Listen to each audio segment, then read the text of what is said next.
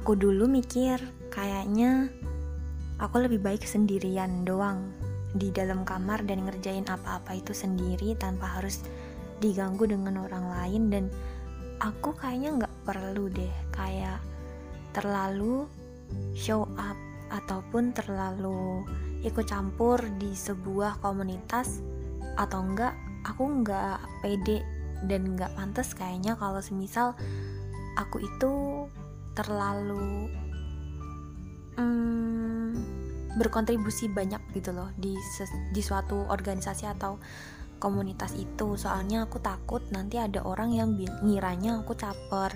Kalau enggak aku takut kalau ada orang yang nggak nyaman sama sikapku atau uh, nanti kiranya aku sosokan gitu di organisasi itu. Makanya beberapa waktu itu aku akhirnya kayak aku milih diem dan aku jadi kayak pemalu gitu.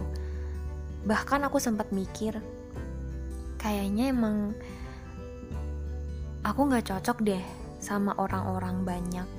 Aku kayaknya lebih cocok kalau sendiri atau enggak sama satu atau dua orang doang gitu. Jadi imbasnya apa? Imbasnya aku jadi nggak nyaman sama semuanya. Aku nggak nyaman sama semua hal yang berkaitan dengan sebuah kelompok agak banyak. Bahkan kayak lima orang aja aku udah merasa itu udah banyak banget dan bikin hatiku sesek banget. Padahal sebenarnya aku bukan orang yang kayak gitu beberapa waktu lalu. Maksudnya kayak aku SMA itu aku biasa aja gitu sama sebuah forum yang gede gitu dan aku bisa ngomong di sana aku bisa berkontribusi di situ. It's okay gitu loh kayak biasa. Aku nganggapnya itu hal yang menyenangkan bertemu dengan orang banyak itu hal yang seru. Tapi entah kenapa semenjak aku kuliah aku kayak tiba-tiba aja kayak menutup diri. Dan di situlah akhirnya uh, aku merasa ada yang kurang dari diriku sendiri dan aku merasa aku nggak bertumbuh ke mana-mana. Beberapa waktu lalu aku sempat scroll-scroll di TikTok gitu kan. Terus aku kakak kan suka kayak lihat-lihat investasi-investasi kayak gitu. Kebetulan aku juga kayak lagi suka aja gitu kayak reksadana kayak gitu-gitu kan. Nah waktu itu aku lihat ternyata investasi di umur 20 tahun yang paling baik itu bukan bukan investasi saham, bukan investasi kayak duit properti kayak gitu-gitu tuh sebenarnya bukan itu. Tapi uh, kayak relasi sama ilmu. Dua itu aja. Itu udah cukup kalau buat sekarang gitu ternyata. Dan dari situ aku kayak ketampar sih. Ternyata kayaknya emang bener gitu loh. Aku harus lebih bisa menerima orang baru di hidupku. Kayak aku harus bisa beradaptasi lebih cepat dari biasanya.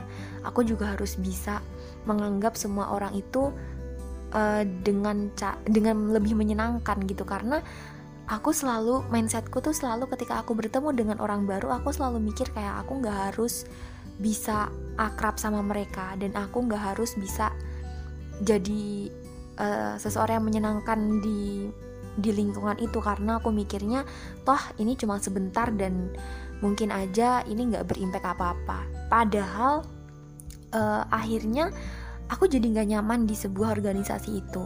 Ketika beberapa waktu lalu aku ikut brand ambassador terus aku ikut banyak sekali komunitas-komunitas di situ aku merasa kayak nggak nyaman. Aku nyoba ini kok nggak nyaman aku ikut ini nggak nyaman. Bahkan sesuatu yang dulu aku senengin banget ternyata ketika aku di situ tuh aku merasa nggak nyaman. Padahal kalau dipikir-pikir harusnya ada lah ya satu di antaranya itu seharusnya aku bisa nyaman ketika di situ gitu. Dan ternyata yang salah itu bukan organisasinya tapi diriku sendiri gitu. Aku yang selalu berpandangan bahwa uh, aku nggak harus bisa show up. Aku benci kenal orang baru. Aku nggak mau uh, temenan sama orang-orang baru karena aku takut dari situlah mindset akhirnya tumbuh tumbuh tumbuh dan membuat diriku sendiri nggak nyaman di sebuah organisasi. Bahkan aku juga kayak jadi orang yang menurutku kurang berkualitas ya karena aku jadi nggak berani menguka, mengemukakan pendapatku di depan umum. Aku jadi takut kalau ada orang lain nganggep aku ini itu. Padahal aku nggak bisa kan mengontrol pikiran orang lain itu kayak gimana gitu. Dan harusnya kalau aku bisa di situ ya sebisa mungkin aku berkontribu uh, berkontribusi di depan di bidang itu padahal kalau semisal nih aku melewatkan sesuatu yang penting karena aku cuma mikirin omongan orang lain. Aku bakalan rugi loh. Karena apa? Karena ke depan itu mereka nggak bakalan menafkahiku gitu. Mereka juga nggak bakalan peduli sama apa yang bakalan aku perjuangin sekarang. Dari situ aku akhirnya baca-baca banyak buku-buku mulai dari uh, eh, self improvement dan lain-lain dan emang emang aku bener gitu dari dugaanku yang sebelumnya bahwa yang salah adalah bukan organisasinya tapi diriku sendiri cara aku menyikapi komunitas itu dan mindsetku. Kayak aku mikir aku cukup nulis aja. Aku cukup kayak gini aja lah dan terkesan kayak menutup diri sih menurutku padahal di umur segini harusnya aku lagi giat-giatnya membangun relasi menulis, kemudian aku bisa membangun relasi, kemudian aku bisa ikut organisasi, aku bisa kenal banyak orang. Itu bukannya sesuatu yang menyenangkan banget kan? Kayak sesuatu yang seharusnya bisa aku terima terlepas dari aku yang suka nulis ataupun aku yang suka uh, mainan podcast kayak gini sendirian. Karena teman itu sepenting itu loh. Bahkan kayak aku pernah lihat quotes gini teman banyak aja ketika kita jatuh belum tentu ada yang peduli apalagi kalau teman sedikit kayak gitu ya semakin menurutku semakin banyak frekuensi teman itu semakin banyak juga gitu peluang kita buat dapat hal-hal baik ke depannya kayak dulu jadi uh, sekarang sekarang ini aku sekarang lagi uh, ada kontrak kerja sama Bank Niaga gitu ya di di program Kejar Mimpi Warrior. Nah saat itu aku nggak ada kepikiran buat kayak bisa jadi keterima di sini ya karena yang dipilih juga cuma lima dan aku mikirnya kayak aku kayaknya nggak pantas gitu. Soalnya aku lihat eh, orang-orang uh, tuh kayak yang yang bagus keren-keren kece-kece gitu loh di Instagram. Sedangkan aku kayak gitu gitu. Aku cuman kayak gitu. Aku selalu meremehkan diriku sendiri. Terus akhirnya ketika aku diterima di situ aku diterima aku ngerasa kayak semakin insecure gitu. Soalnya yang diterima dari kan ada ceweknya empat. Yang satu cowok itu dari Papua yang empat itu cewek dan tiga tiganya itu cantik banget subah, subhanallah. Dan aku ngerasa kayak kok aku jelek sendiri? Kayak gitu. Nah uh, hal yang pengen aku omongin tadi sebenarnya tuh ketika wawancara sebelum diterima. Dulu waktu aku semester 1 kalau nggak salah ya itu aku pernah ke uh, Solo. Itu aku nemenin temenku sekalian aku ikut bedah bukunya Kurniawan Gunadi penulis uh, yang judulnya Arah Musim. Dia nerbitin bukunya di Bentang Pustaka saat itu. Kebetulan ada bedah buku di situ dan aku jadi pengen aku jadi bucin banget kan sama karya-karya beliau. Akhirnya aku nekat karena saat itu udah selesai gitu kan ujiannya aku nekat sama temanku Rini ikut bedah buku di situ. Nah di situ ternyata kodarullah yang ngadain acara itu tertarik sama coretan Rini ketika uh, masih materi. Dan Rini tuh kayak ngegambar gitu ngegambar ngegambar dia ngegambar Mas Kurniawan Gunadinya itu. Nah habis itu besoknya Rini tuh bilang kalau dia dihubungin sama mbak-mbaknya yang ngadain acara. So akhirnya aku sama Rini itu uh, ke tempatnya beliau ke tempatnya si mbak-mbaknya itu. Yang iya yang tadi yang ngadain acara tadi. Itu udah selang waktu beberapa bulan gitu sih.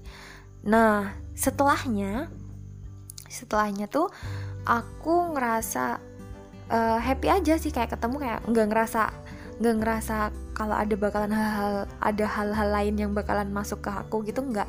Karena aku lihat mbak mbak ini tuh orang baik dia anaknya lucu uh, terus dia kayak bergerak di bidang sosial gitu juga dia punya beasiswa dan dia keren kayak gitu. Terus akhirnya dari cerita-cerita ini aku semakin termotivasi kan sama mbak ini mbak Tria ini. Terus uh, ternyata waktu wawancara program kejar mimpi ini dari Bank Niaga ini dia tuh terinspirasi dari mbak Tria ini tadi. Mbak yang uh, tertarik sama Rini tadi. Dan aku udah pernah ke situ. Dan saat itu uh, akhirnya aku tahu kan yang dimaksud sama pewawancara itu apa. Terus uh, aku cerita kalau aku kenal sama mbaknya. Aku kenal dan aku emang uh, pernah ke rumahnya. Aku juga tahu kisah-kisahnya dari buku-buku dari buku yang pernah Rini kasih ke aku kayak gitu. Ternyata emang mbak mbaknya ini keren banget. Nah saat itu akhirnya uh, pewawancara itu kayak tertarik gitu loh sama aku terus nanya-nanya soal IG ku nanya Spotify ku juga kayak gitu. Yang podcast ini juga didengerin sama masnya. Akhirnya kodarullah nggak tahu kenapa masya Allah aku kepilih gitu ya. Jadi bagian dari uh, programnya di Bank Niaga ini. Dari situ aku kayak mikir andai semisal dulu aku enggak ngeyel dan ngotot buat ke Solo buat ketemu sama orang-orang banyak buat ngajakin Rini ke situ mungkin ini nggak bakalan terjadi nih nikmat ini gitu. Kalau nggak andai dulu gitu aku anaknya males gitu nggak mau ngapa-ngapain dan aku nggak mau ketemu orang banyak juga. Aku nggak kenal Rini juga. Aku nganggep uh, yang lewat udah lewat aja gitu. Mungkin aku juga nggak bakalan bisa gitu ketemu sama mbak-mbak ini. Nggak bakalan bisa hal ini terjadi ke aku. Dari situ akhirnya aku sadar kayak pentingnya aku buat ketemu sama orang baru. Pentingnya aku buat ketemu sama eh, orang-orang baik di luar sana yang mungkin bakalan bisa bantu aku ke depannya gitu. Karena kita nggak tahu ya di depan itu ada apa. Bisa jadi kebaikan yang kita lakukan hari ini tuh bakalan berimbas pada sesuatu yang lebih baik di depan sana gitu kan. Kita nggak tahu. Karena kehidupan itu uh, sama kayak yang dibilang Terelie kehidupan itu seperti benang merah gitu. Ketika kita udah berbuat baik ke satu orang gitu pasti kebaikan itu bakalan balik ke kita sendiri dalam uh, cerita yang Allah bikin kayak gitu.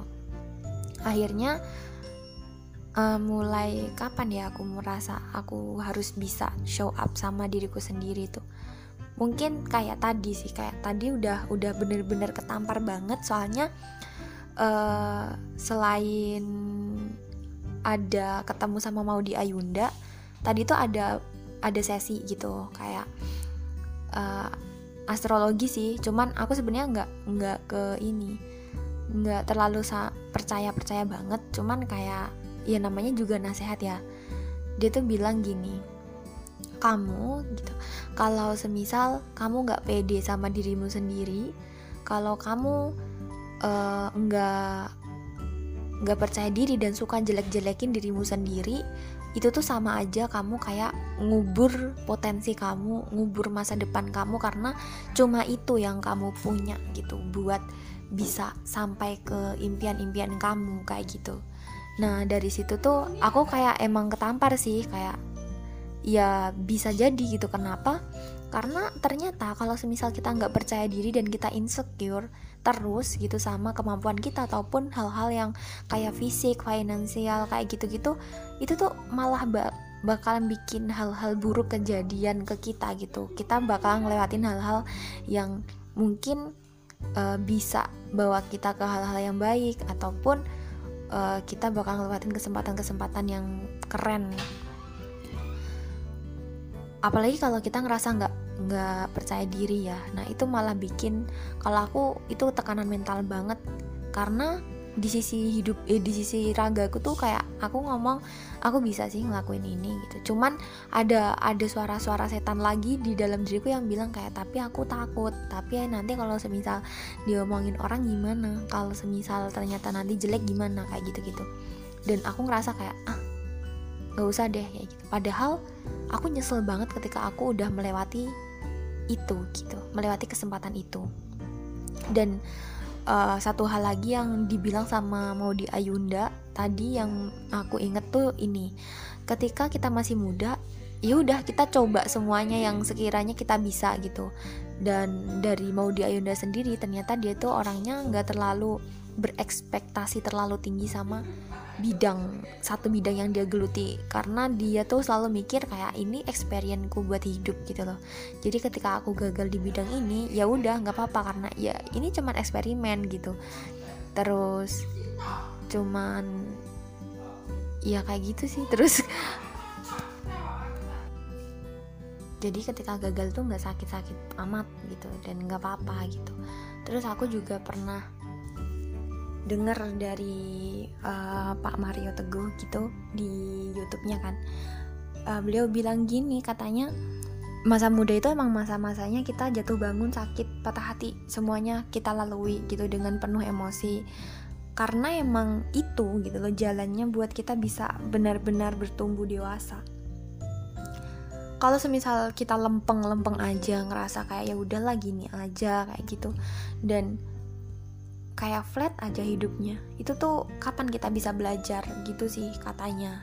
Dan aku mengamini itu karena emang menurutku benar gitu ketika kita kayak udah biasa aja dan hidup ini cuman gini-gini aja rasanya tuh kayak bosen dan capek sendiri tahu? Hmm, ya udah sih. Kayaknya itu aja sebenarnya yang malam ini pengen aku ceritain. Karena keburu lupa gitu sama hal yang aku dapat hari ini dan uh, cantik banget sih mau di Ayunda serius. Aku ngerasa kayak wow itu udah pintar cantik gitu ya. Pasti mamanya bangga gitu. Ketika aku ngelihat beliau uh, rasanya tuh emang hal yang pertama kali terpikir adalah dia orang yang pintar gitu. Orang yang perempuan yang keren kayak gitu kan. Meskipun dengan banyak sekali uh, fasilitas yang ia dapat gitu. Tapi dia tetap kayak suka gitu sama pendidikan kayak gitu-gitu. Aku ngerasa itu keren sih. Soalnya kalau aku jadi dia mungkin kayak aku jadi artis aja ngapain udah banyak duit gitu. Cuman dia enggak gitu. Ya udah kayaknya itu dulu deh. Sambung nanti lagi ya. Semisal ada ilmu-ilmu baru yang aku dapetin aku bakalan bagi itu sama kalian. Terus satu lagi. Uh, tadi aku kan nanya sama temanku emang kayak percaya sama zodiak zodiak itu bisa dosa nggak sih gitu. Terus uh, dia tuh bilang gini ada satu hadis tapi dia lupa. Pokoknya kalau kita terlalu percaya sama sesuatu hal kayak kayak dukun kayak gitu-gitu terus ramalan dan lain-lain itu bisa aja nanti amalannya nggak diterima sampai 40 hari dan aku ngeri. Sih itu ya guys tadi yang aku dapetin hari ini. Dan mungkin aku besok besok atau kapan ya itu aku tertarik banget sama cerita Mahabharata loh. Aku dulu belajar tentang tentang tokoh-tokoh kayak gitu waktu SMP SMP kan aku di Jawa Tengah. Nah aku belajar tentang itu tapi aku nggak ngeh karena kita ketika belajar dan belajar itu menjadi suatu keharusan bukan sesuatu yang kita inginkan kan kadang ilmunya malah nggak masuk. Dan saat ini eh, kemarin apa kapan ya kemarin ketika aku nanya-nanya sama sama Rini tentang project baruku dan uh, Rini tuh bilang gini kamu pilih mana Arjuna apa Bima? gitu kan. Kan kayak ada tokoh wayang itu. Terus awalnya aku pengen pilih Arjuna gitu. Terus kenapa nggak Bima aja? Setelah tak lihat-lihat emang gagahan Bima kayaknya. Jadi aku akhirnya milih tokoh wayang Bima ini buat aku jadiin icon di uh, produk nanti gitu sih dan nanti bakalan aku cerita tentang tokoh wayang kenapa aku milih Bima dibandingkan Arjuna yang ganteng banget kayak gitu. Oke, okay, selamat malam, selamat beraktivitas karena aku harus menyambut detik-detikku menuju 20 tahun karena besok aku udah 20 tahun. Yeay. aku sebenarnya nggak tahu bakalan seneng apa enggak cuman ya udahlah dijalanin aja karena kata mamaku semakin lama ulang tahun itu semakin kayak biasa aja gitu dan uh, aku mencoba buat biasa aja sih. Cuman mungkin gara-gara aku suka sama hal-hal yang remeh dan hal-hal yang kayak perayaan-perayaan kayak gitu jadi mungkin aku kayak merayakan buat diriku sendiri. Aku juga besok mau buka surat dari diriku sendiri juga karena aku kayak udah nyiapin hadiah gitu. Dan hmm, aku sayang banget sih sama diriku karena aku selalu bisa ngasih yang terbaik gitu loh buat diriku sendiri. Dan aku ketika salah itu selalu bisa sadar gitu sebelum semuanya terlambat banget. Makanya kenapa sampai sekarang itu meskipun aku masih bertumbuh dengan sangat lambat uh, aku bangga gitu sama apa yang aku lakukan dan aku menghargai setiap proses yang aku punya kayak gitu. Dadah semoga kalian juga terus bertumbuh ya. Sama-sama kita bakalan bisa jadi apa yang kita mau. Dan yang terbaik tentunya. Selamat malam